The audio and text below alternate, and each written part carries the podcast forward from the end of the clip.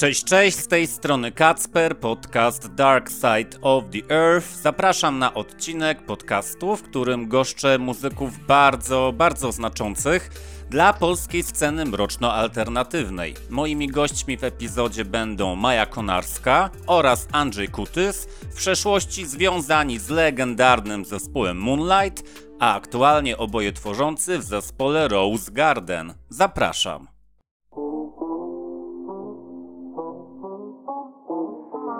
Na tropie gotyku.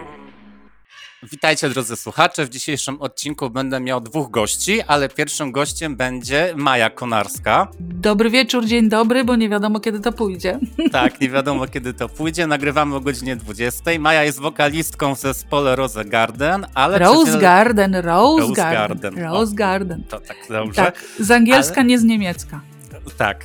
Chociaż to brzmi troszeczkę niemiecko, chociaż... Troszkę brzmi, no. No. Dlatego sporo ludzi, jak to widzi tą nazwę, to właśnie Rose Garden, chcę powiedzieć, ale to jest Rose Garden. Tak mrocznie jest Rose Garden, nie? Rammstein, Rose Garden. Tak, ja, dokładnie. ja.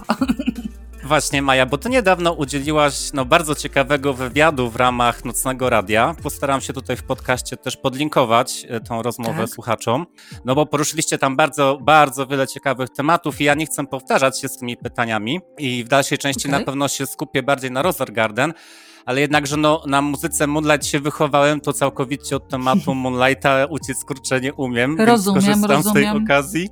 Tutaj też w razie czego możesz pytać Andrzeja. Tak, tak, też mam pytania do Andrzeja, ale na razie mamy ciebie, więc właśnie chciałbym choć chwilę porozmawiać o tych twoich początkach muzycznych, no bo zespół Moonlight powstał w 91 roku i w 96, jeśli nie kłamie, wydaliście pierwszy album Kalpataru i to jest zresztą jeden z moich ulubionych albumów.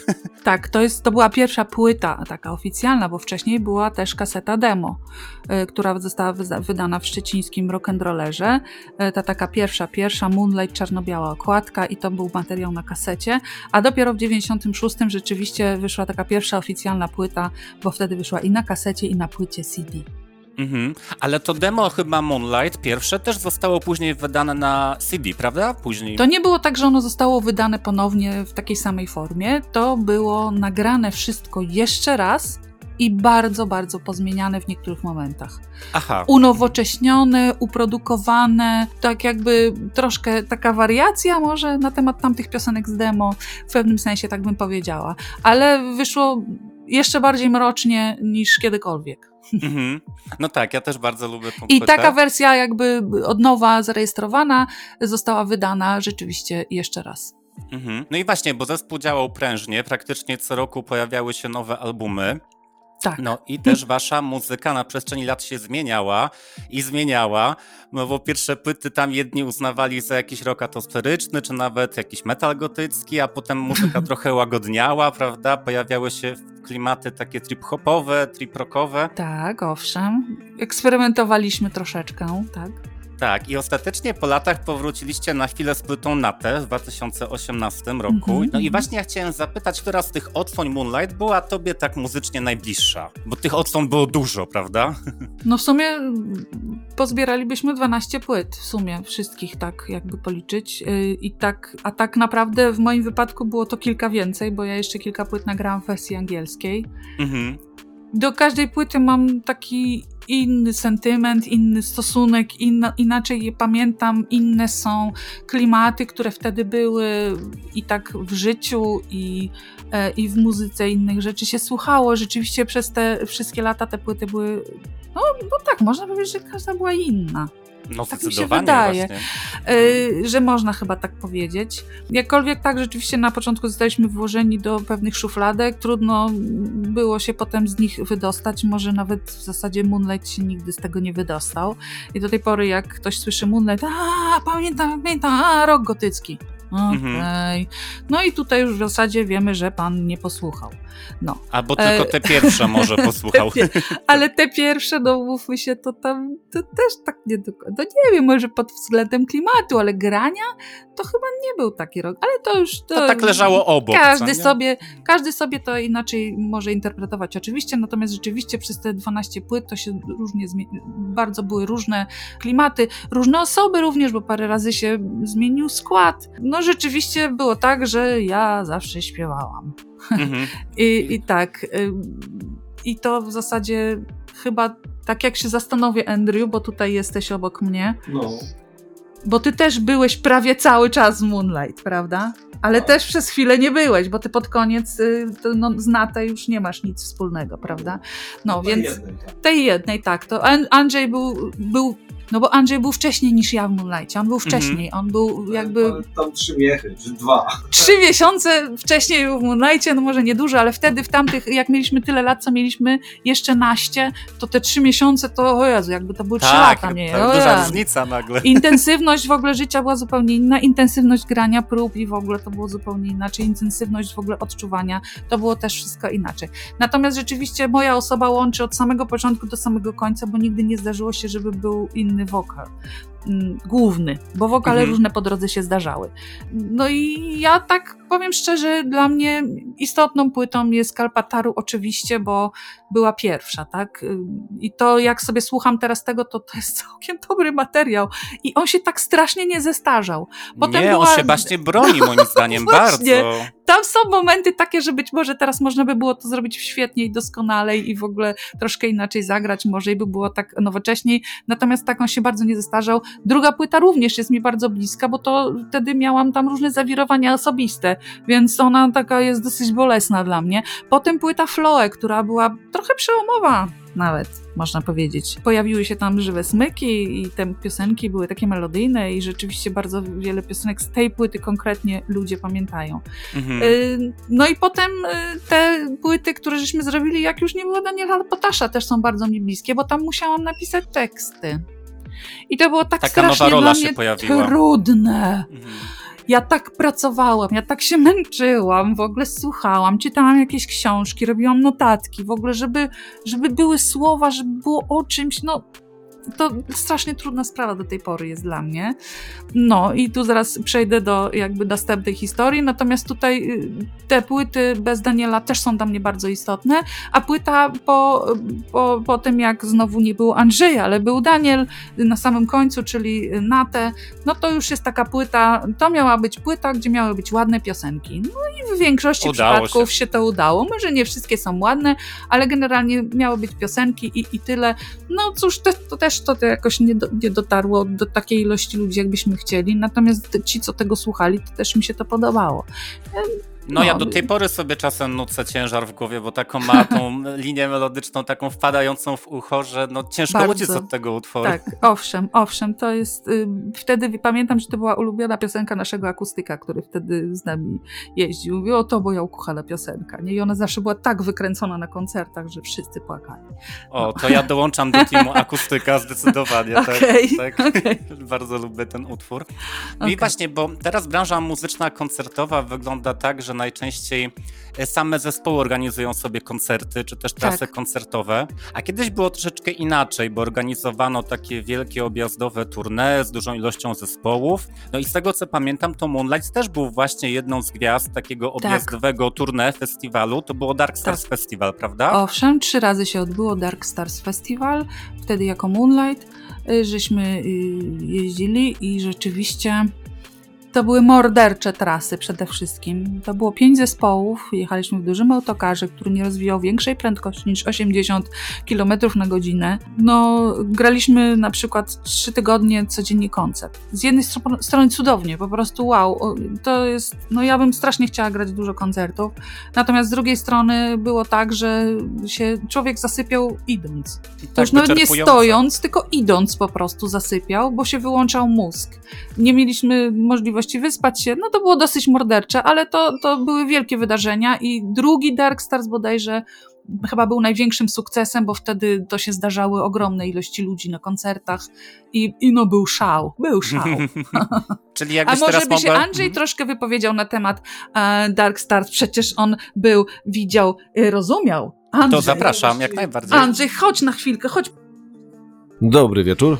Cześć, Albo cześć, dzień dobry, witam. bo właściwie tak jak Maja mówiła, nie wiadomo kiedy tego słuchacie. Cześć. Nie wiadomo, kiedy tego słuchają, tak. Tak. jest. Ja zapytałem Maję, jak wspomina Dark Stars Festival i właśnie Maja zasugerowała, że też by było fajnie, żebyś się o tym wypowiedział. Tak, więc... tak, tak. Wiesz co, no nawiązanie do tego, co Maja mówiła, no to fajne było przede wszystkim to granie, bo też młodsi byliśmy, więc trochę inaczej było z tymi siłami. Teraz, no tak, z tej perspektywy wydaje się to rzeczywiście nieco szalone, tak jak teraz człowiek o tym pomyśli. Natomiast no, ja bym chciał, żeby ogólnie dało się jeszcze coś takiego przeprowadzić, nie? Już tak bardziej myśląc w przód, wiesz, no Moonlight dla mnie był jakimś tam fajnym wydarzeniem, natomiast teraz myślimy bardziej o Rose Garden nie, niż Jasne. Moonlightie, natomiast no, czy Maja jeszcze będzie miała jakieś tam plany, no to sami określą i zobaczą. Tą Mhm. drogą też pamiętaj, że inaczej ten rynek wyglądał koncertowy w naszym kraju, nie? I Mhm. też zapotrzebowanie na muzykę rockową i tak ogólnie, co się nam działo. No,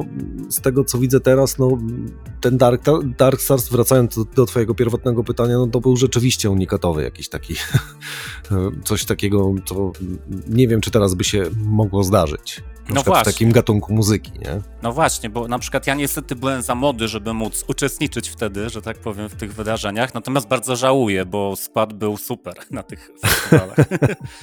Idealne no, dla działo się, Tak. działo, to można tak określić, nie? Lepiej, gorzej były, no i były takie sytuacje i różne, jeden czy dwa kluby to były takie, że po prostu weszliśmy i stwierdziliśmy, nie, niemożliwe, tu mamy grać, tak? No i zagraliśmy gdzieś, pamiętam, że sufit się uginał.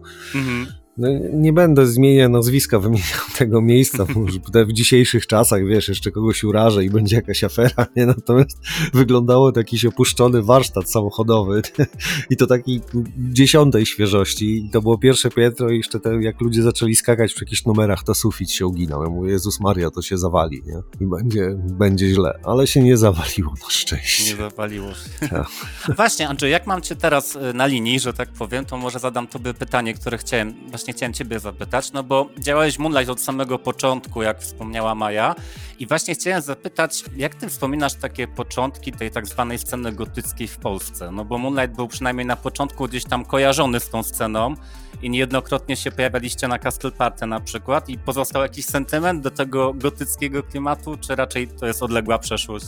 To jest tak, że ja w ogóle mm, pierwszy raz usłyszałem o roku gotyckim, kiedy właśnie mm, zetknąłem się z ludźmi, którzy właśnie, no między z Danielem między innymi, tak, którzy słuchali tam muzyki gotyckiej, jakieś tam Exmal Deutschland, tak, z pierwszym Mhm. raz usłyszałem, Dead Can Dance mi puścili, no to ładne, do dzisiaj mi zostało oczywiście. Natomiast mm, ja nie wiem, czy to, no wiesz, to był początek lat 90. też, to w komunie wszystko się działo, to w ogóle jak ktoś miał w miarę sensowną gitarę, to było fajnie i tak ja wiem, czy był jakiś taki pomysł, żeby jakaś scena się rozwijała, to chyba gdzieś tam tak niezależnie oczywiście, no inne były czasy, nie inne były przyboje, na innym miejscu rok był, również po latach 80., kiedy no nawet takie zespoły jak The Sisters of Mercy, tak, no dużo zrobił Eldritch dla popularyzacji muzyki gotyckiej żeby to Mm. było takie melodyjne, prawda? No i weszliśmy w te lata 90. może tak trochę siłą tego rozpędu tamtych czasów, tego Eldridge'a i, i innych takich kapel, no bo też Depeche Mode, prawda? Jakieś takie rzeczy, no i bardziej mroczne, właśnie tak jak mówiłem, chociażby jakieś Exmal Deutschland, pamiętam, że usłyszałem pierwsze z kapelę, nie wiedziałem w ogóle co chodzi, Bauhaus mi puścili, mówię, rany Julek, co to jest? No i też Klosterkeller, nie?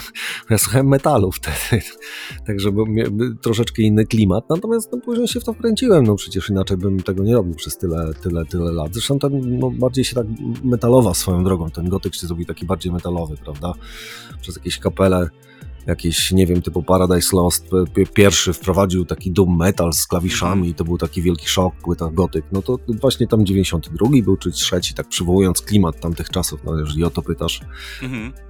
No to też takie były chyba inspiracje tego wszystkiego, nie? I tak ogólnie ten gotyk się zrobił nieco mocniejszy, no i my tak się w sumie w cośmy to wpisali, nie? Trochę przypadkowo może. A może no, trochę był taki plan, no ale to wiesz, wtedy człowiek był młody, to czy miał tam czas planować? My żeśmy się uczyli grać tak naprawdę razem. No ale z tego wyszła super muzyka, mimo że się uczyliście. No, bo to wiesz, no jak się spotykają młodzi ludzie, typu mają po 15, 16, 17 lat, tam mają instrumenty, no to próbują w ogóle się zgrać, wiesz. Pierwsza sytuacja, że coś zagrałeś w jakimś tam interwale, mówisz, o, o się udało, nie? O.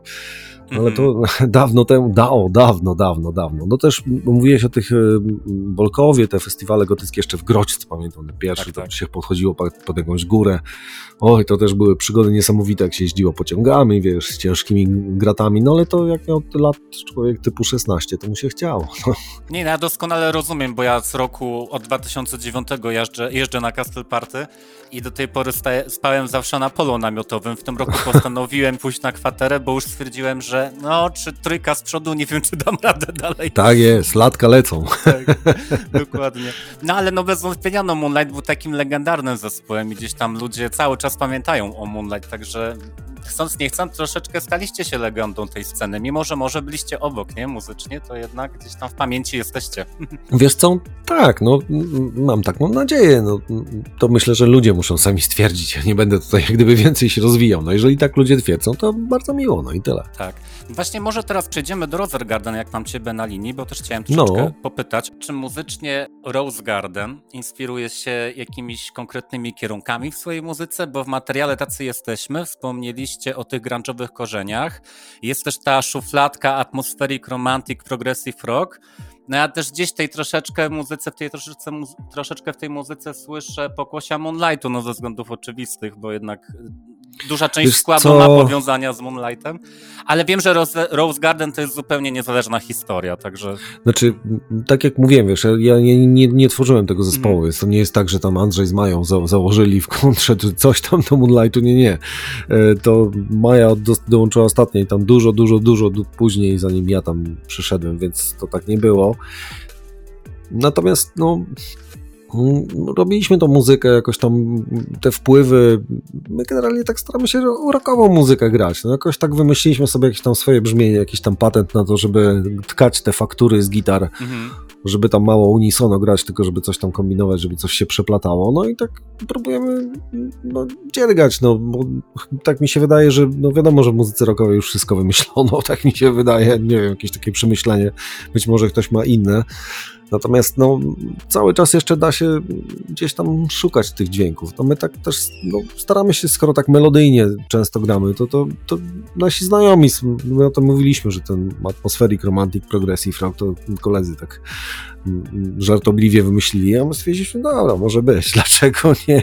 W sumie trochę, trochę tam jest takich romantycznych tych nut, no i tam się tego nie wstydzimy, no przecież to jest, słuchaj, jest tak dużo muzyki w teraz, że to po prostu jest jakaś masakra, nie? Już jak, jak mam ten jakiś e, serwis streamingowy, jest tych płyt tyle, że to człowiek nie wie czego słuchać. Ja jestem przerażony po prostu, bo kiedyś to było tak, kupiłem płytę, słuchałem ją 4, 5, 6 razy, 10, no bo miałem ją jedną, Tak. na drugą musiałem zbierać, a teraz mam po prostu wszystkie, nie? Jak słucham jednej płyty trzeci raz, to mam wyrzuty sumienia, że te inne czekają, a ja czemu tutaj w ogóle... Natomiast wracając do tego, o czym mówiłem a propos Rose Garden, no gramy tak jak gramy, no jak się podoba to fajnie, jak nie to jest tyle innych kapel, a my staramy się coś tam kombinować, żeby było melodyjnie, ciekawie, wiesz, rockowo, czasami niespodziewanie, wiesz, no jakieś tam wpływy są, można się doszukiwać, no ale to raczej właśnie zostawiamy słuchaczom, którzy mogą sobie sami coś tam wysłyszeć. Mhm. Znaczy, no bo niby ta szufladka Atmospheric Romantic Progressive Rock jest taka bardzo konkretna, ale z drugiej strony jak się słucha waszej muzyki, to ona jest dosyć taka szeroka, że może się spodobać właśnie i publice, myślę, rockowej, i publice gotyckiej również, why not? Ja jestem zdania, że to może trafiać też w takie gusta jak najbardziej. Wiesz co, my w ogóle nie celujemy w muzykę gotycką, Mhm. nie? My, muzy- my celujemy w muzykę rockową, Jasne. ile tak można powiedzieć, że gdzieś tam się komuś skojarzy, to spoko. Teraz gramy mm, ze Stillnoxami, oni mają taką bardziej właśnie gotycką stylistykę Mhm. typową, no i okej, no my, my gramy rockowo, Maja oczywiście ma swoją atmosferyczną, że tak powiem, barwę, więc to jak gdyby samo się robi, ale my gramy rocka, nie? I nawet tutaj radził basista stara się żeby naciskać, żeby grać jednak durowo, nie molowo, żeby były wes wesołe piosenki, Oczywiście to jest jakoś tam przetrawione, jest, teraz się uśmiecham, no ale tak kombinujemy, żeby było ciekawie, no, żeby nam się to podobało, no, w skrócie rzecz ujmując. No, to jest ten najprostszy patent, jaki może być, no, żeby, no, żeby się to fajnie nam grało. No, i mamy nadzieję, że, że to się też innym podoba. Nie no, pewnie, no i też jest czego słuchać, bo jest cała płyta Okruchy Luster już wydana. Można ją kupić Znaczy, na waszych wiesz co? koncertach. To jest tak, że z, to jest, czy płyta. No my to nagraliśmy w 4 dni. Mhm. Tak naprawdę i Szybko. część, instrument, i część instrumentalna nagrała, nagrana była chyba w 4 godziny, czy jakoś tak, no bo wiadomo, musimy się rozstawić, tam poustawiać brzmienia i no pograliśmy wcześniej, no a później tak de facto jak ruszył zapis, no to nie wiem, za 4 godziny to potrwało. Później wiadomo, no coś tam można jeszcze udziergać w, w postprodukcji, natomiast no podstawa była nagrana w tym czasie i później mają jeszcze 3 dni, żeby ponagrywać te wszystkie rzeczy. Jeszcze biedna była chora. O, najgorzej. No bo to była jakaś tam, no, wczesna wiosna. Także no, no, no, no nie było to nagrywane w sensu stricte tak jak płyta, że wiesz, że usiedliśmy, pokombinowaliśmy. No to było to, co żeśmy wymyślili na próbach, to, co wy żeśmy wyprodukowali na próbach, w sensie i z jakimi brzmieniami przyszliśmy, z jakimi efektami i to wszystko było pozapinane. No i to, co żeśmy wymyślili na próbie, to po prostu żeśmy zarejestrowali w e, sesji. O ile research, który zrobiłem jest prawidłowy, No, to szukając różnych informacji o Rose Garden, natrafiłem też na informację, że od lat pracujesz w radio. I to mnie bardzo zaciekawiło. To jest prawda? Tak, w Radiu, w Radiu Szczecin, w Radiu Szczecin pracuję, Okej, tak. czyli to prawdziwa informacja. No bo ja Tak. gdzieś nie ukrywam, że gdzieś tam moim dziecięcym marzeniem zawsze była praca w radio, jakieś tam bycie dziennikarzem muzycznym i teraz wiesz, trochę nieudolnie próbuję spełniać te dziecięce marzenia, realizując choćby ten podcast właśnie. No. Wiesz co, to jest super sprawa. Nie, ja mam w radiu, no oprócz tego, że zajmuję się codzienną newsową pracą, Mhm. bo jestem dziennikarzem newsroomu, też prowadzę czyli codzienne audycje, takie popołudniowe, no to też mam program o gr- grach komputerowych, O, mam program o fotografii, wiesz, różne jakieś tam. Tak, tak, tak. No muzyką w radiu, no czasami sportem się zajmuję, jakieś tam mecz, kiedyś parę razy poszedłem, no różne rzeczy w radiu robię, tak? Mhm. znaczy, wiesz co, no my do Radia Szczecin zapraszamy zawsze. Można przyjść, spróbować swoich sił, jak ktoś się sprawdzi, wiesz, no to oczywiście wszyscy chcą zacząć od kultury, no, ale to spokojnie, dojdziemy do tego. Jak ja- ktoś miał ochotę, to zapraszamy. Natomiast wiesz, o co chciałem zapytać, to czy to No. radio to był pomysł zawodowo taki twój od zawsze, czy ta historia się zdarzyła tak z przypadku raczej? Bo to mnie tak intryguje. Wiesz co, no ja zawsze chciałem chyba w sumie być dziennikarzem, czy że inaczej, no jakoś tak wydaje mi się, że takie dosyć oczywiste, że to tak teraz robię, ten- że jestem w tym zawodzie. Natomiast no, jakoś to się też poskładało, bo ja pracowałem też w Radiu Złote Przeboje od Mhm. 2000 bodajże pierwszego roku do 2007, tak? No i w 2007 przyszedłem do Radia Szczecin. No i, i tak zostałem. No, zacząłem od bycia reporterem newsroomu, robiłem różne rzeczy przez lata i teraz też robię różne rzeczy, nie? No na pewno jakby właśnie ja na przykład miałem takie marzenie od dziecka, nie? Żeby pracować w radio i tak jest fajnie pogadać z kimś, kto Mhm. wiesz, pracuje w tym radio, nie? Fakt faktem, że ja też, od, no bo tata jak był w domu, to było słuchane, bo tata pływał, bo to w Szczecin wiadomo, No, tak. więc jak był tata w domu, jak nie był w rejsie, to wiadomo też radio grało, no i tak też słuchałem, nie? Beksińskiego też się słuchało wtedy? Tak, tak, chociaż ja Beksińskiego mniej, ja pamiętam, że słuchałem Marka Gaszyńskiego, była taka audycja Muzyka Młodych, to Mhm. była w dwójce audycja, ona miała zawsze w poniedziałek 14.10 i w, niedzie- w niedzielę o 7.10. To było tak, że ja czasami w poniedziałek, jak kończyłem lekcję 14.40, to już nie zdążałem, więc wstawałem rano w niedzielę o 7.10, no bo tam były grane całe płyty, nie wiem, na przykład Slayera, Sound of Heaven, to stamtąd miałem. I jakieś tam mnóstwo innych rzeczy, bo to Marek Gaszyński z Krzysztofem Brankowskim, pamiętam, czasami był Chris Brankowski, puszczali po prostu całe metalowe płyty. I to mówimy o tym Marku Gaszyńskim, który przecież jest autorem tych wielkich przebojów lat 60., 70., tam tych big beatowych, a Marek był w awangardzie tego, co zrobił dla muzyki metalowej w tym kraju. No to Mhm. właśnie muzyka młodych Marka Gaszyńskiego. No właśnie jak Marek Gaszyński zmarł i widziałem tam oficjalny ten jego profil, czy tam jakieś wspomnienie, to mnóstwo ludzi pisało o muzyce młodych, że to był człowiek, pan redaktor, który dla muzyki metalowej zrobił świetną rzecz. Po prostu, no wiadomo, lata 80 80. to były inne czasy, była komuna, nikt nie myślał o jakichś tam prawach autorskich, że trzeba tantiemy zapłacić, no i tam po prostu było, odpalałem kasetę i leciała cała płyta, się nagrywało i mnóstwo metalowych kapel, Pani, pamiętam, nie wiem, Annihilator, przecież ten pierwszy debiut, Alice in Hell, słynny debiut, jedna z najlepiej sprzedających się w metalu z płyt w ogóle, tak, no to debiutanckich, no to właśnie zgrałem na, z muzyki młodych, od mm. Marka Gaszeńskiego, że to taka historia, jeżeli chodzi o radio. Dla mnie to, to, to jest takie najbardziej Chociaż pamiętam, że raz też gdzieś trafiłem chyba właśnie u Beksińskiego, nie wiem, czy puścił Metalikę, e, Injustice for All całą, o. jakieś tam jeszcze inne rzeczy. Wszystko było w radiu po prostu, ale to wiesz, musiałeś być, musiałeś włączyć recording Trafić na kasecie. na tą audycję konkretną. No to wiesz, człowiek czatował i tam mówię ci, 7.10 wstawałem w niedzielę i byłem ready, steady i leciał Slayer, Iron Maiden i inne rzeczy i, i zgrywałem, miałem to w lat typu 10 czy 11, taka historia. Tak, trzeba było sobie radzić nie było Spotify'ów i tak dalej, nie? No i to jeszcze, komu, to jeszcze komuna była, stary, no. wiesz, to nie tak, że szedłeś do sklepu muzycznego i było, tylko wiesz, jak tam pirat nagrał, to może było, a jak nie nagrał albo się rozeszło, to nie było. To zupełnie inne czasy, to trudno to sobie wyobrazić, to wiesz, no, to, to trzeba było przeżyć, to, to ja mogę tylko te, teoretyzować, mogę teraz znaczy, myślę, że opowiadać. Fajnie, fajnie, że o tym mówimy, bo pewnie dużo ludzi młodych o tym nie pamięta. Ja jestem z lat 90., więc jak ja najbardziej mm -hmm. pamiętam kasety magnetofonowe czy wideo i ale to już wiesz, już lata, już lata 90. to już były oryginalne kasety, prawda, wydawane tak. przez oryginalnych wydawców, już mogłeś pójść i to wiesz, jak była premiera. No ja pamiętam, że jedną z pierwszych kaset, jaką w życiu kupiłem oryginalnych i po prostu czekałem i czatowałem, pamiętam, chodziłem do sklepu muzycznego, centrali muzycznej gdzieś tam w Szczecinie, to było Rage Against the Machine jedynka, naj, najlepsza i po prostu ona wyszła, taka piękna, rozkładana okładka, pierwsza moja oryginalna, to było Sony MGM wydało, rozumiesz, 91 rok. nie dawał dotykać tych okładek. Tak jest. Bo jest, Tak jest, tak było, wiadomo. Natomiast też nie dawał dotykać. Tak jest, nic się nie dawałem dotykać, nie. Tak było. Natomiast to wtedy już było tak, natomiast jeszcze w latach 80. to były kasety firmy Takt, o ile dobrze pamiętam. Takt tak. były najlepiej nagrane, bo różne piraty, znaczy piraty, no w tamtych czasach to nie były nielegalne kasety w świetle prawa PRL-u, tak? Mhm. Wiadomo, że z punktu widzenia obecnego to było piractwo, no ale wtedy było to legalne w tym kraju, w którym nic nie było, nie? W, w, sklepie z centrali muzycznej, no.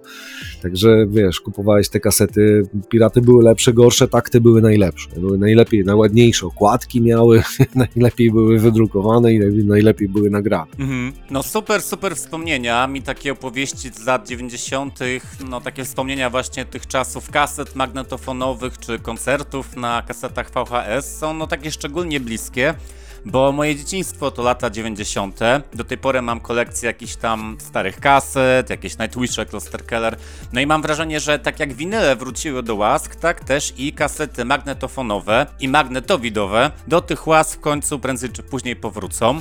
Dzięki Andrzej. Teraz wracamy do przepytywania Mai. E, hello, Cześć ja Maju, witam cię z powrotem. Jeszcze dwa pytanka o Moonlightie i przechodzimy do Rose Garden. I chciałem zapytać ciebie jeszcze o to, bo z początkami Moonlightu wiąże wiąże się ten festiwal Castle Party w Bolkowie. W sensie od początków tego festiwalu, bo już graliście na pierwszej odsłonie. Tak, graliśmy jeszcze jak był w Grodźcu. Właśnie. Tak. Ja chciałem zapytać ciebie, jak ty wspominasz te pierwsze Castle Party i ogólnie początki tej tak zwanej sceny mrocznej czy tam gotyckiej w Polsce? No, było bardzo mrocznie. Tam było okay. bardzo ciemno. Tam nie było żadnej infrastruktury. E, było po prostu ciemno, nie było świateł, można się było zgubić, spaść do dziury no wtedy to było bardzo partyzanckie takie, takie naprawdę. Natomiast wszyscy bardzo chcieli tam zagrać, ta wieść o tym całym festiwalu rozeszła się bardzo szybko, e, no i tak się zdarzyło, że, że jakoś tak my żeśmy zagrali, a chyba rok później już nawet, czy dwa lata później, żeśmy zagrali już nawet jako gwiazdy, nawet mimo, mhm. że nie mieliśmy płyty, a wtedy już byliśmy tak zwanymi gwiazdami w Grodźcu i wtedy właśnie y, Tomasz Dziubiński wysłał swoje forpoczty poczty na ten festiwal, żeby posłuchali nas. I między o. innymi to był, to był ten moment, kiedy my żeśmy grali, to było jakoś około, wtedy to było pod koniec sierpnia. Już było bardzo zimno, bo teraz to jest jakoś w lipcu ten festiwal. Tak. I jest wtedy ciepło, a pod koniec sierpnia już było bardzo zimno i tam było bardzo zimno i pamiętam, żeśmy wrócili do domu. Chyba dwa dni później miałam taki telefon wieczorem E, dzień dobry, tu Tomasz Dziubiński, firma Metal Mind Production. Czy ja rozmawiam z panią Mają Konarską? Tak, słucham. Mhm. No i od razu pan Tomasz przeszedł do rzeczy. Macie materiał na, na, na płytę? Jesteście w stanie mieć materiał godziny teraz, tak? Y, No tak, mamy nawet więcej niż godziny materiału. No to cudownie, no to, to ja w takim razie zaraz wysyłam wam propozycję kontraktu, umowy. Bardzo szybko się to potoczyło. Chyba półtora miesiąca później już byliśmy w studiu, nagrywaliśmy pierwszą płytę. To był, to, to, to kurczę, to było, naprawdę czuliśmy się docenieni Mhm. że ktoś wysłał osobę y, z firmy, żeby posłuchała zespołu Moonlight i to okazało się na tyle fajne, że zaproponowali, zaproponowali nam kontrakt. Oczywiście ten kontrakt, no to wiadomo jaki to był, tak jak Andrzej wcześniej wspomniał, prawa autorskie i inne takie wykonawcze, w ogóle to nie miało miejsca jeszcze w Polsce. E, To Mhm. jeszcze było wszystko takie niby legalne potem, ale to już, to też w związku z tym, że my nigdy nie dowiedzieliśmy się ile płyt żeśmy sprzedali, no to też było trochę pirackie jak dla mnie, tak? Bo nie dowiedzieliśmy tak. się tego nigdy. E, natomiast no, było to niesamowite. No. W ciągu to się stało bardzo szybko i bardzo szybko była płyta, co było naszym ogromnym marzeniem. Myśleliśmy, że tak naprawdę ja jak nagrywałam pierwszą płytę, y, też już w studiu we Wrocławiu, bo tam żeśmy trafili, ja jak nagrywałam Mhm. tą pierwszą płytę, to myślałam, że to będzie jedna i tyle. Mhm. Jedna płyta. A tu tu- wyszło z 12. a tutaj, prawda, wyszło 12. I to tak wtedy, jak byliśmy w Metal Mind, to, to te płyty rzeczywiście wychodziły co rok prorok. Co rok prorok było. I już Tak. były nowe materiały. Ale z tego, co powiedziałaś w wywiadzie do Nocnego Radia, Mhm. to wynikało po prostu z kontraktu, że musieliście nagrywać Tak. co rok y, tą płytę. Tak, tak, tak było w kontrakcie rzeczywiście, że, że było, y, było tak, że mamy konkretny termin oddania kasety demo, bo wtedy jeszcze kasety, potem już płyty, ale materiału demo, gdzie musiało być odpowiednia ilość muzyki.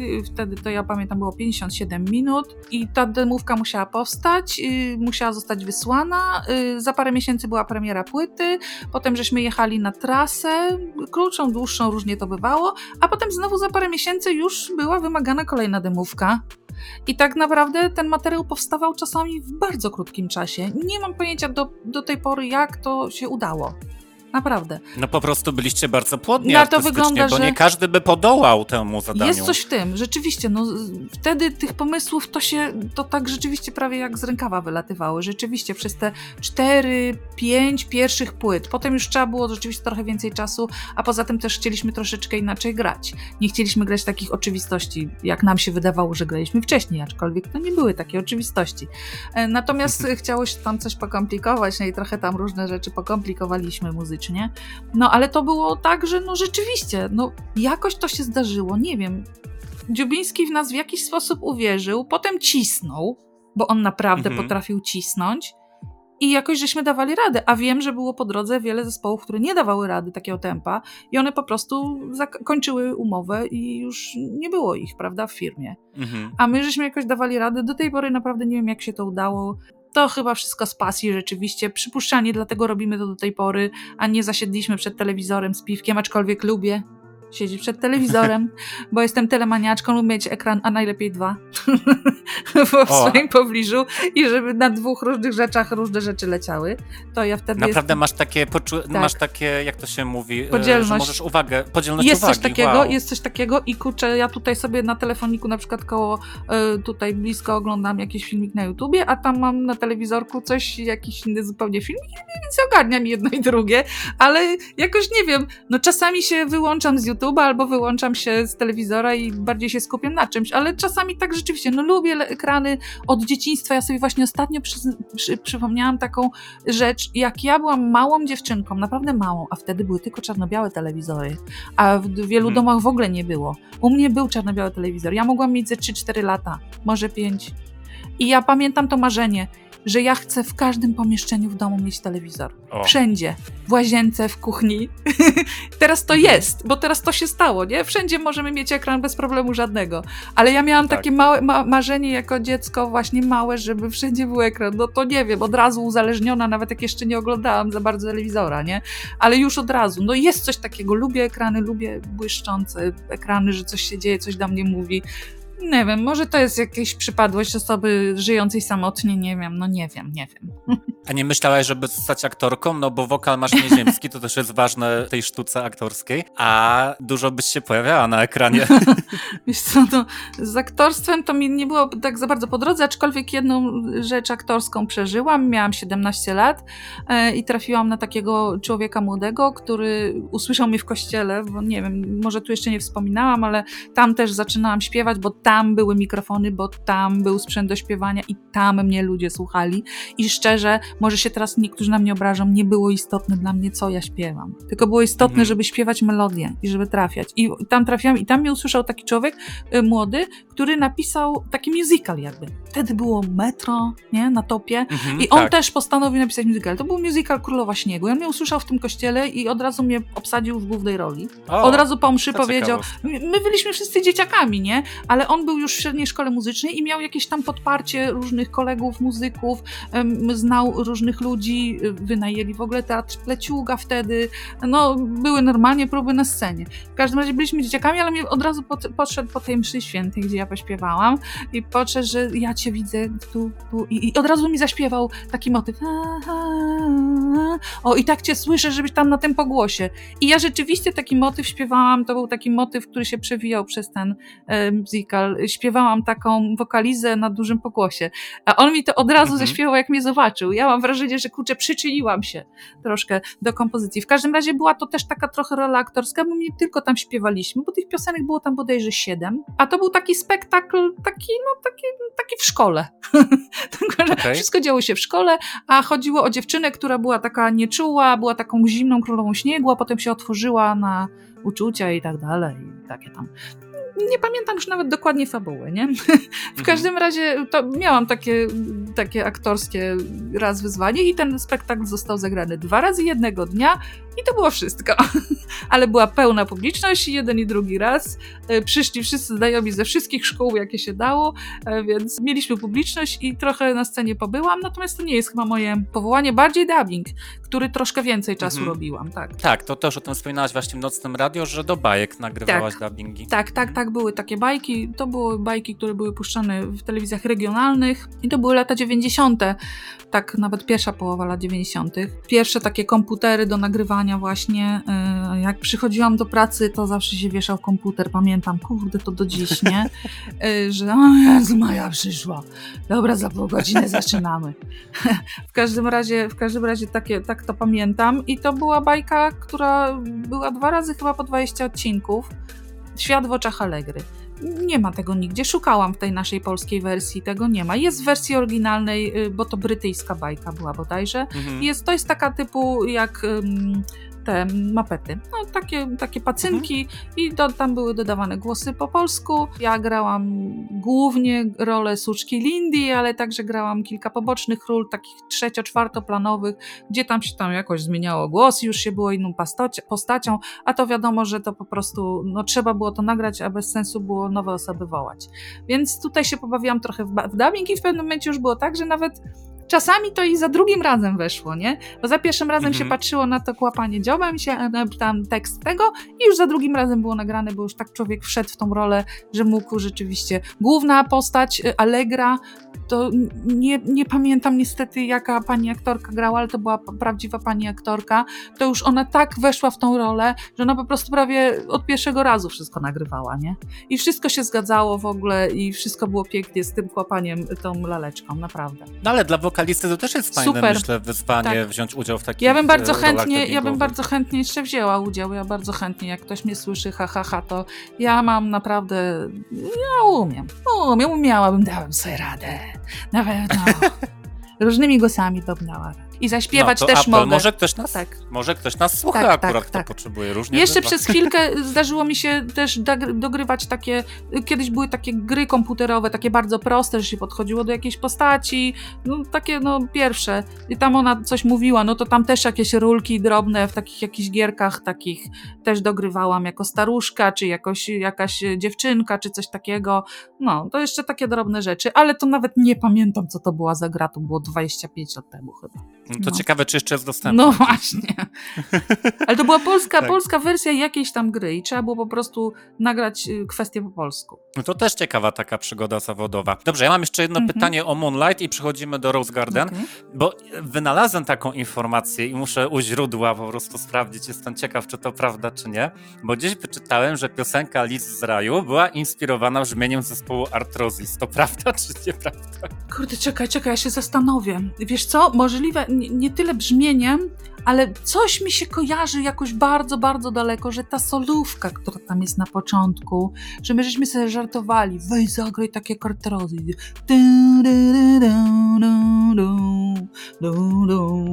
Może, może coś takiego, bo to wiesz, my żeśmy się znali, ale tak nie, nie byliśmy jakoś specjalnie zakolegowani.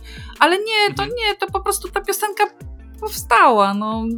Bardziej, o, na przykład bardziej inspirację bym, była taka piosenka jakaś stara z lat 80 my chcieliśmy zrobić cover Dead or Life, Mhm. taki zespół.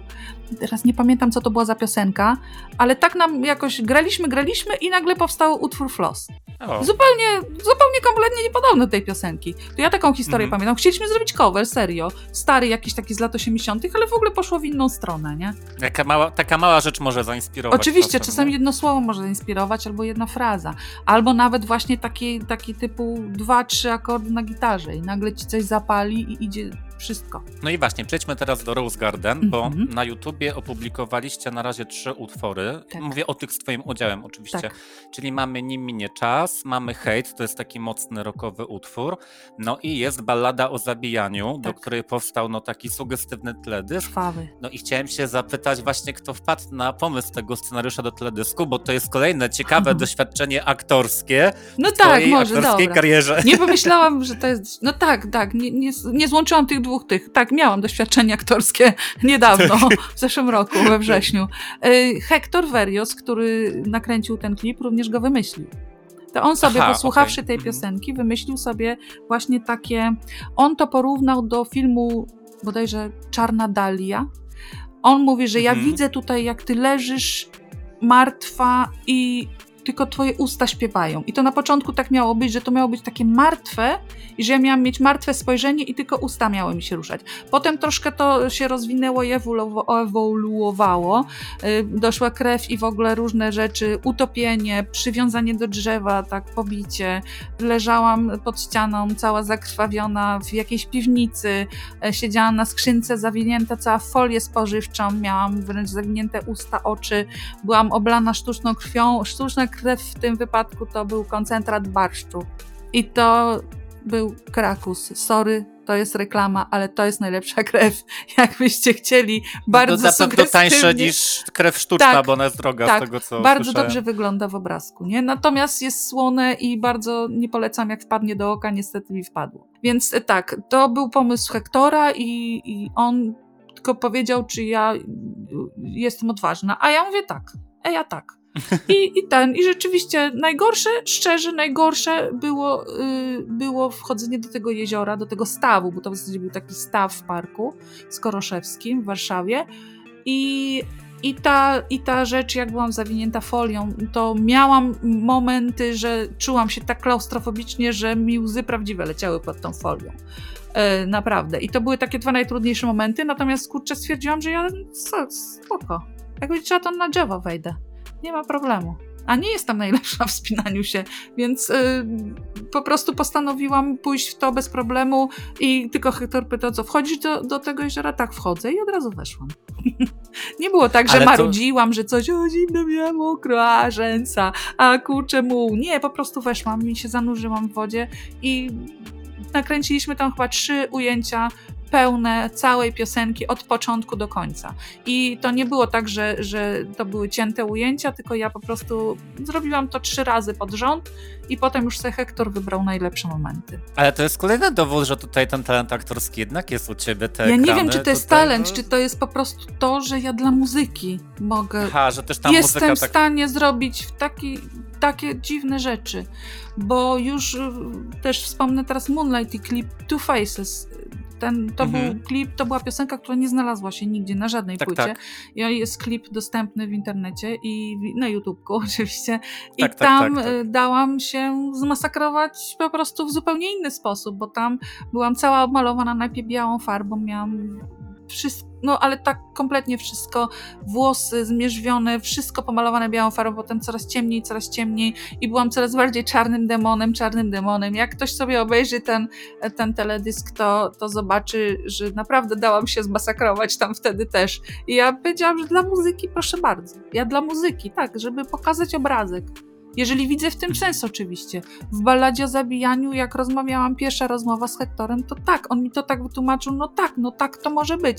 To jest przecież seryjny morderca. No Mhm. można to tak pokazać. No i tak żeśmy to pokazali. Tak, no i to uderza jeszcze bardziej w e, Moja matka tylko jak to nie? obejrzała, mówi, Boże dziecko, co oni ci zrobili? A ja mówię, nie mamo, to ta krew była, nic się nie stało. A ona, Boże, Boże, jaki straszny, ten teledysk taki straszny, nie? No jest straszny, ale no kurczę, Piosenka jest o strasznych rzeczach. dokładnie. Ale a propos tego Two Faces teledysku, bo on się okazał przed Natę troszeczkę. Tak, on się ukazał tak zupełnie pobocznie i to miał być Tak, w ogóle tak. jeden taki, jedna piosenka, jeden klip, a potem właśnie się okazało, że jednak zrobimy całą płytę. I tak naprawdę to wtedy było. My żeśmy się spotkali z Danielem, zrobiliśmy ten utwór. Tam zaśpiewał Mhm. też gościnnie wokalista zespołu Kurkuma, Łukasz Mhm. Szurbo-Szurborski. Bardzo pięknie zresztą zaśpiewał, bo to co jak co głos to on ma. I ten, Mhm. i, e, i żeśmy zrobili ten klip. To był cały, ciężki, cały dzień ciężkiej pracy na planie, tak naprawdę cały dzień. I potem wiem, że mnóstwo godzin spędzili panowie jeszcze przy montowaniu tego wszystkiego. Po prostu, no kurczę, no. Jak tu nie zrobić takich rzeczy dla muzyki? No w każdym razie był ten klip i potem się okazało, że a może, czy no jedna piosenka jeszcze, no, a może ta piosenka, a może wrócimy do tamtej i się okazało, że jest płyta na te. Ale żeśmy potem Tak. stwierdzili, że Two Faces nie będzie na tej płycie.